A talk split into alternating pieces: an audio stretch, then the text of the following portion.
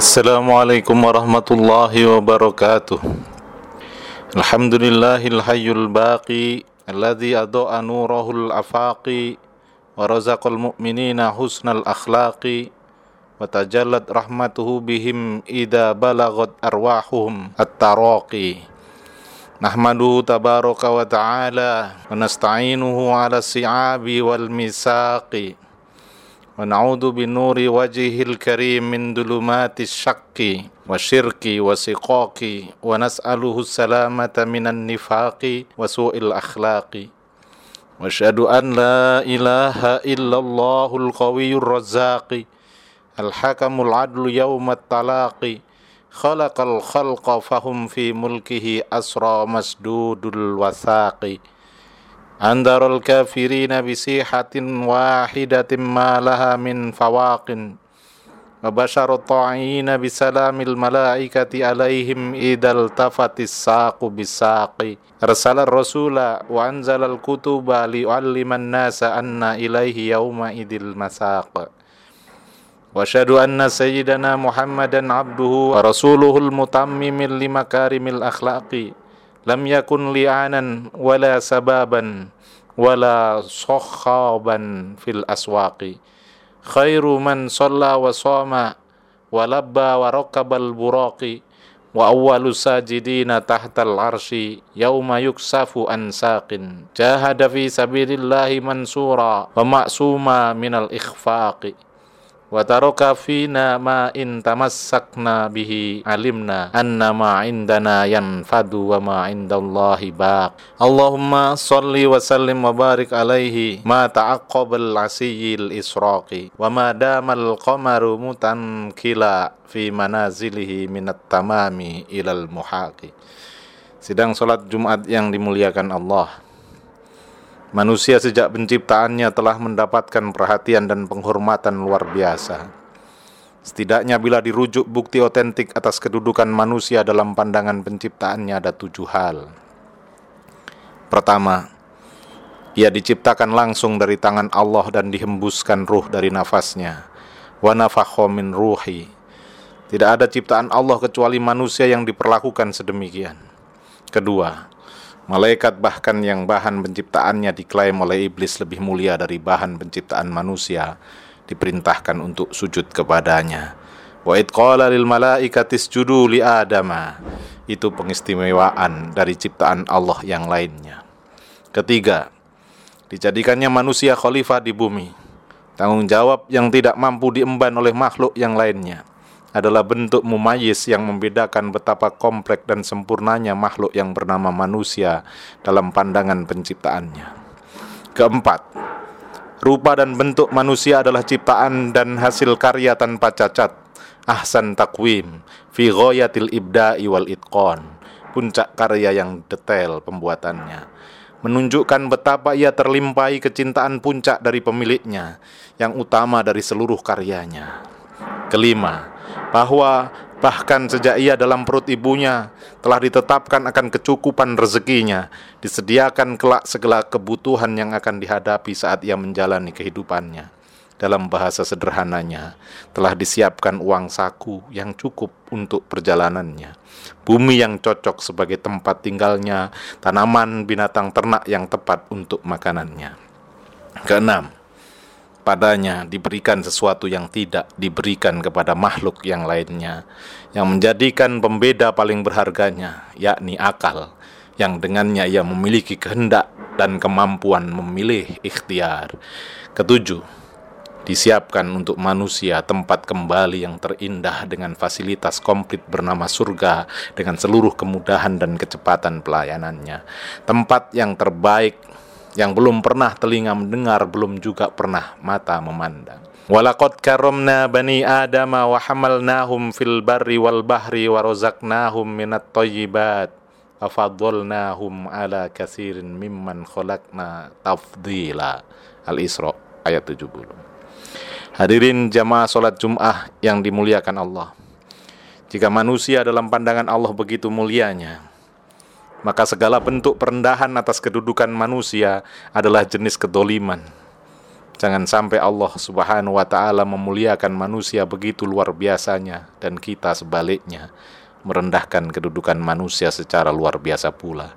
Karena itulah kita diperintahkan untuk meminta maaf atas hak Bani Adam yang kita langgar dan tidak akan terhapus kesalahan perbuatan kita dengan taubat jika hal itu berkaitan dengan hak-hak Bani Adam kecuali dengan meminta maaf kepada yang telah kita selisihi Hari Raya Idul Fitri adalah momentum kita melakukan penghapusan dosa atas Bani Adam dengan saling berkunjung untuk saling memaafkan. Semoga kita telah melakukannya. Sehingga setelah puasa Ramadan yang kita jalani, kita benar-benar bisa merayakan kebebasan kita dari segala dosa atas Bani Adam. Menurut Imam Al-Ghazali dalam Ihya, ada tiga jenis manusia yang ada di sekitar kita yang mereka atas kita memiliki hak mendapatkan kebaikan dari diri kita yang berbeda-beda secara prioritas. Yang pertama adalah tangga kita yang muslim dan mereka memiliki tali kekerabatan dengan kita. Yang kedua, tetangga kita dan seorang muslim. Yang ketiga, tetangga kita yang non-muslim. Yang pertama memiliki tiga hak sebagai tetangga, sebagai saudara, sebagai sesama muslim. Yang kedua memiliki dua hak sebagai tetangga dan sebagai saudara muslim. Yang ketiga memiliki satu hak sebagai seorang tetangga. Yang ketiga jenis manusia dalam pergaulan kita itu masing-masing harus mendapatkan perlakuan yang baik dan kita diharamkan untuk mendoliminya. Dalam kitab Risalah Kusairiyah disebutkan sebuah kisah tentang Nabi Ibrahim saat kedatangan tamu ke rumahnya. Nabi Ibrahim dikenal sebagai ahlu diyafah, sangat memuliakan tamu. Setiap siapa saja yang datang ke rumahnya akan dihidangkan makanan dan diizinkan untuk menginap dengan segala pelayanannya. Suatu hari datang ke rumahnya seorang musafir musyrik bertamu meminta tolong agar dikasih makan dan diizinkan tinggal selama sehari saja. Nabi Ibrahim bertanya, "Apakah engkau seorang muslim?" Tamu itu menjawab, "Bukan." Nabi Ibrahim menolak untuk menerimanya dan menyuruh pergi orang tersebut. Lalu Allah menegurnya, Aku memberinya makan orang itu selama 50 tahun dalam kondisi yang mengkufuriku. Sementara ia meminta makan darimu hanya sehari. Apakah engkau mensyaratkan ia beriman kepadaku baru engkau mau menolongnya? Mendengar hal itu, Nabi Ibrahim lalu mengajak tamu itu balik kembali ke rumahnya. Dan orang itu bertanya, kenapa engkau berubah? Nabi Ibrahim menceritakan alasannya. Alasan yang membuat si musyrik itu kemudian berislam Hadirin sholat Jum'ah yang dimuliakan Allah. Kisah di atas menunjukkan hak non-muslim atas kita untuk mendapatkan perlakuan yang baik dan tidak menganiaya serta merendahkannya. Lalu seperti apa hak manusia jika ia saudara kita yang sedarah, saudara kita seiman? Apa hak yang dimilikinya atas kita? Bukankah harus jauh melampaui hak mereka yang non-muslim? Lalu jika hari ini, karena perbedaan madhab, Perbedaan pandangan dalam cara kita menjalani keyakinan syariah, fikih, dan ibadah-ibadah ritual membuat kita memusuhi saudara kita yang lainnya, mengafirkan dan menyebutnya sebagai alinar, lalu menjauhi dan menghapus namanya dalam ponsel kita, dalam pikiran kita sebagai saudara yang memiliki hak diperlakukan melampaui non-muslim, seperti kisah dalam kitab Husairiyah di atas. Kita benar-benar telah berbuat aniaya yang besar sebuah ketoliman dalam cara memperlakukan saudara kita seiman. Apalagi jika lebih dari itu, mengolok-ngolok, mengejek, menistakan cara mereka menjalani ibadahnya, bertengkar dan saling menjatuhkan adalah bentuk-bentuk kebodohan dan keluar dari tujuan utama syariah, yakni menempatkan manusia pada makom mulianya, sebagaimana Allah menciptakan dan memuliakan ciptaannya yang bernama manusia sebagaimana telah khotib sebut di awal khutbah ini. Persatuan sesama muslim adalah utama. Maka segala bentuk kegigihan membela madhab harus ditinggalkan. Jika pembelaan itu mengakibatkan perpecahan umat, apalagi jika pembelaan tersebut dilakukan dengan cara-cara yang menyakitkan dan merendahkan martabat seorang muslim.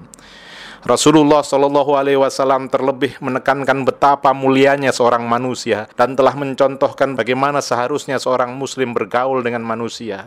Kisah tentang tetangganya yang non Muslim yang melemparinya kotoran setiap kali akan pergi sholat. Rasulullah orang yang pertama berkunjung saat ia sakit. Rasulullah berdiri saat mayat orang Yahudi ditandu melewati beliau dan sahabat protes. Itu orang Yahudi ya Rasulullah. Rasulullah tersenyum dan pelan mengatakan, "Alaisa huwal insan?" Bukankah dia manusia? Demikian juga apa yang dilakukan oleh khalifah penerus Nabi Umar bin Khattab. Saat seorang Yahudi datang dari Mesir menemuinya untuk protes atas dampak perluasan masjid yang dibangun Amr bin As. Lalu Umar mengingatkan Amru untuk berlaku adil dan mengembalikan hak orang Yahudi tersebut. Lebih dari betapa hebatnya kemuliaan manusia jika ia seorang muslim, seorang mukmin, jauh lebih besar memiliki hak untuk dihormati, dimuliakan, diperlakukan dengan benar dan baik dan diberikan hak-haknya dengan tepat. Dalam riwayat Tobroni disebutkan dalam kitab Sogir dari Anas, "Man ada musliman bi ghairi haqqin, faka'annama hadamat baitallah."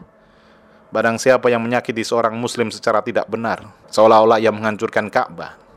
Dalam hadis yang lain, "Shibabul muslimin fusuk, Wa luhu kufrun. Mencela, mengolok-ngolok seorang muslim adalah kefasikan dan membunuhnya adalah kekafiran. Dalam hadis yang lainnya, Lahatmul Ka'bata juz'an juz'an ahwanu min qatlil muslim. Dosa menghancurkan Ka'bah sehancur-hancurnya lebih ringan dari dosa membunuh seorang muslim. Banyak sahabat melihat Rasulullah suatu hari memandang Ka'bah dan lalu Rasulullah bersabda, Laqad syarafakallah wa karomak wa adomak wal mu'minu a'dhamu hurmatan minka. Allah, wahai Ka'bah, telah menghormatimu, memuliakanmu, membesarkanmu. Namun seorang mukmin jauh lebih mulia, jauh lebih besar, jauh lebih terhormat dari dirimu. Hadirin sidang salat Jum'ah rahimakumullah. Mari bersama-sama memperbaiki diri, menjaga hubungan dengan sesama manusia dengan akhlak islami, menempatkan dan memenuhi kewajiban seorang muslim kepada saudaranya sesama muslim, kepada saudaranya sedarah, kepada saudaranya sesama manusia, sesama keturunan Bani Adam. Masing-masing dari mereka memiliki hak atas kita. Maka berikanlah hak kepada yang memilikinya dengan benar. Ati kuli di hakin haqqahu. بارك الله لي ولكم في القرآن العظيم ونفعني وإياكم بما فيه من الآيات وذكر الحكيم وتقبل مني ومنكم تلاوته إنه هو السميع العليم. أقول قولي هذا أستغفر الله لي ولكم ولسائر المسلمين ولسائر المسلمين والمسلمات والمؤمنين والمؤمنات واستغفروه. إنه هو الغفور الرحيم.